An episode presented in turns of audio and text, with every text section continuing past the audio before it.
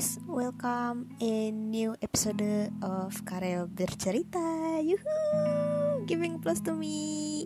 Kakak, kak. Kayaknya intronya bakal kayak gitu deh. Oke, okay, just uh, oke okay guys, salah ngomong kan gue. Jadi uh, seperti judulnya, uh, gue sebenarnya mau gimana ya?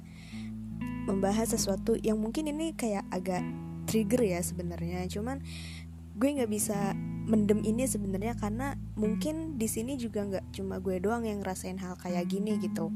Dan mungkin sebelumnya sebelum lo menemui dunia K-pop mungkin lo pernah ada di titik terbawah lo di mana lo nggak punya teman sama sekali di di real life lo gitu lo. Dan uh, pas lo udah nemuin dunia baru yaitu K-pop world gitu lah ibaratnya gitu lo bisa nemu oh jadi ada juga yang nasibnya kayak gue yang dulunya gue nggak punya temen dia juga nggak punya temen. Bahkan kita sekarang udah temenan gitu loh. Jadi kayak uh, K-pop tuh kayak benar-benar merubah hidup lo gitu. Kayak gimana aja sih uh, perubahannya gitu loh. Mau tahu? Kan apa aja kan?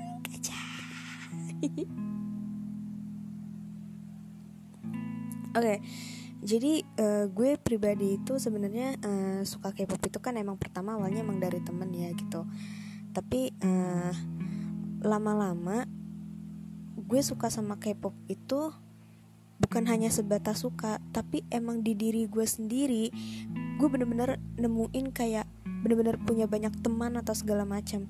Kalaupun gue emang gak nemuin dunia K-pop ini mungkin gue punya temen tapi nggak sebanyak sekarang gitu loh yang notabene gue udah jadi fan girl yang uh, apa maksudnya banyak orang juga suka juga gitu loh sama K-pop gitu. Jadi gue kayak nggak ada kayak nggak gimana ya pokoknya kayak lu punya temen banyak dari Sabang sampai Merauke yang rata-rata juga banyak K-popers gitu. Dan lu ketemu gitu loh. Tapi uh, mungkin ini maaf banget ya gue menceritakan hal ini tapi ini pribadi gue juga ngerasain hal kayak gini juga.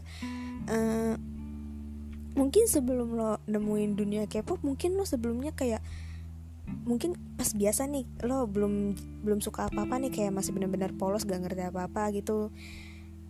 Di mana lo tuh kayak nggak punya teman sama sekali gitu loh yang bener-bener lo bisa mungkin dikucilkan atau mungkin lo kayak gak asik. Ini maaf banget ya gue bilang kayak gini tapi di pribadi gue gue juga kayak gitu juga yang gue juga orangnya gak asik. Dulu tuh gak asik banget gitu loh. Tapi semenjak gue nemuin dunia K-pop ini bener-bener banyak teman yang bener-bener seru dan bikin gue tuh bisa menemukan diri gue tuh yang sebenarnya yang sekarang gue lebih ceria terus sekarang gue lebih bisa bercanda gitu loh yang bahkan tuh sebelum-sebelumnya tuh gak pernah ngerasain kayak begini gitu loh. Walaupun di real life di maksudnya kayak kehidupan sekolah gue juga jarang nemu gitu loh. Kayak temen sekolah gue jarang nemu kayak temen K-popers tuh nggak ada. Paling cuma kayak beberapa doang. Itu pun nggak semuanya deket sama gue. Jujur gue di SMP itu ada satu temen gue yang bener-bener tahu banget dunia K-pop dan gue masih bertahan sama dia sampai sekarang karena dia tuh bener-bener nyambung sama gue tentang dunia K-pop ini. Nah, lo kalau kalau lo di posisi gue pasti lo nggak akan bisa jauh-jauh dari temen lo ini yang notabene dia udah bantu gue menjadi seorang K-popers yang sekarang udah bener-bener bisa uh, ketemu banyak orang gitu loh yang mungkin nasibnya juga bisa aja sama kayak gue yang uh, dulu gue nggak pernah asik orangnya sekarang gue bisa nemuin orang-orang yang asik dan gue pun juga kena gitu loh. Maksudnya kayak ibaratnya lo temenan sama tukang minyak wangi pasti lo bakal kena wanginya. Nah lo dapet kayak lo dapet hal yang kayak begitu. Nah jadi emang dulu tuh gue pribadi emang gak seru kayak gini ya. Bahkan melakukan podcast kayak gini aja uh, gue tuh bener-bener berani karena teman-teman K-pop gue gitu loh. Yang bener-bener teman K-pop gue tuh teman-teman K-popers maaf ya. Ya teman-teman K-popers gue atau teman-teman fangirl gue itu bener-bener kayak punya daya seng kok sangat sih? Kayak daya listrik gitu kayak daya-daya kekuatan gitu ya kayak kekuat kesempatan tersendiri buat ke gue biar gue tuh bisa melakukan siaran kayak gini. Karena gue nggak pernah ngelakuin kayak begini sebelumnya kan. Paling kalau misalkan kayak diri live di sekolah pas sekarang SMA pun ya itu pun gue kayak harus gimana ya kayak aduh gue harus berani atau enggak nih? Paling kadang kadang kayak gue insecure dulu lah habis itu baru bangkit gitu loh. Tapi kalau kayak gini enggak gitu loh. Jadi gimana ya dunia K-pop tuh kalau untuk haters ya gue gue kadang suka kesel sama haters yang ngelihat kita itu ngelihat kita seorang K-popers tuh sebagai seorang yang kayak parasitisme banget. Gue tuh malah benci banget kayak gitu. Karena dia nggak bisa ngelihat sisi belakangnya kita kayak gimana dulunya gitu gak bisa.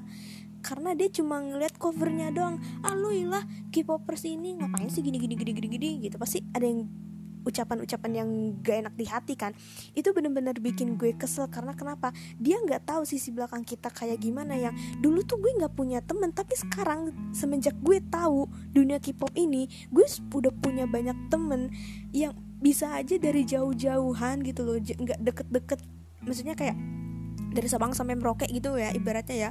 Gue nemuin gitu loh. Dan gue sekarang bisa seceria ini atau atau nih ya atau ini maaf banget ya gue bukannya uh, ini pokoknya gue minta maaf banget kalau misalkan ada yang kesindir ini gue benar-benar minta maaf gak banget gue nggak tahu. Tapi mungkin ada aja di rumahnya gitu loh kayak ada masalah kekeluargaan yang membuat dia tuh kayak harus menyendiri dulu gitu loh. Nah mungkin dari situ dia juga bisa menemukan aku eh gue tuh pengen mencari dunia baru gue tuh kayak jenuh banget gitu loh. Gue kayak terlalu tersuduti dengan permasalahan di rumah gitu loh. Sehingga dia menemukan dunia K-pop dan itulah kenapa K-pop tuh seben dunia K-pop itu sebenarnya bukan buat uh, bukan buat bener-bener gimana ya? Aduh. Susah sih bilangnya gitu. Bukan buat ajang buat lo menggila enggak. Padahal harusnya di titik awal lo menjadi seorang K-pop itu bener-bener untuk uh, membuat lo bahagia gitu. Kalau misalkan orang ngelihat di sisi buruknya kadang tuh orang ngeliat itu pasti langsung ke sisi buruknya nggak sisi baiknya gitu biasanya. Yang langsung ngeliat ya ilah suka si grup A doang lu banci gini-gini segala macam. Gak bisa gitu dia nggak bisa ngelihat ke sisi diri lo sebenarnya gitu loh Emang si haters itu sebenarnya salah banget. Makanya uh, dan untuk kita juga para K-popers termasuknya ya untuk fangirl ya ini untuk mewakilkan saja gitu.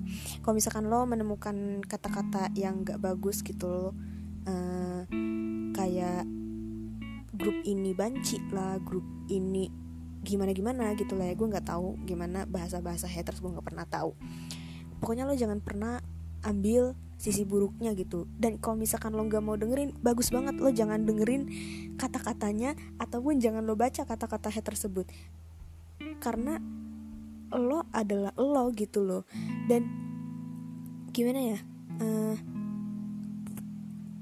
lo tuh uh, udah bisa bangkit sekarang karena dunia K-pop gitu.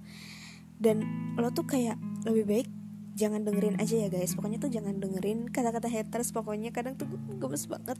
Kalau kal kadang gue gemes nah untuk kalian yang nanggepin haters kayak gimana. Tapi ini balik lagi ke perspektif kalian kayak gimana. Mau kalian nangkep nangkep apa? Mau kalian mengambil itu kata-kata headnya itu menjadi sebuah kata-kata yang termotivasi itu bisa atau it, atau modelannya atau contohnya kayak gue gitu ada ada kata-kata kebencian nih ke gue. Kadang gue nggak pernah dengerin gitu kayak apaan sih? gitu. Jadi bodoh amat aja. Itu gue biasanya. Tapi terserah sih perspektif kalian kayak gimana sebenarnya. Ya jadi sih intinya uh, untuk kali ini cerita kali ini hikmah hikmah. Pokoknya kesimpulan yang bisa gue ambil itu uh, K-pop itu tuh maaf maaf ralat dunia K-pop itu apalagi untuk kita K-popers atau fangirl itu sebenarnya nggak cuma harus berpatok dengan artisnya aja tapi ke kita sendiri juga ada pengaruhnya gitu. Ya di mana kita juga punya temen terus kita bisa kenalan satu sama lain terus kita punya percaya diri yang bagus gitu. Dan mental kalian juga jadi lebih bahagia gitu yang mungkin dari rumah lo kayak merasa agak gimana ya agak murung gitu ya maksudnya. Tapi pas setelah lo keluar nih terus menemukan nemuin temen-temen K-pop lo gitu lo kayak langsung mood lo tuh langsung naik seketika kayak oh iya gitu kayak ketawa-ketawa terus kayak bahas grup lo gitu. Oh iya si dia kan ganteng banget iya keren gini-gini segala macam. Itu sih uh, yang emang harus kita ambil ya dari dari kita sebagai seorang fan girl atau K-popers gitu biasanya Uh, ini untuk pertama kalinya panjang ya. Dan kayaknya bahasa-bahasa yang gue bawain kayaknya masih agak rumit. Jadi maaf banget nih kalau misalkan kayak ada kata-kata yang bikin kalian bingung.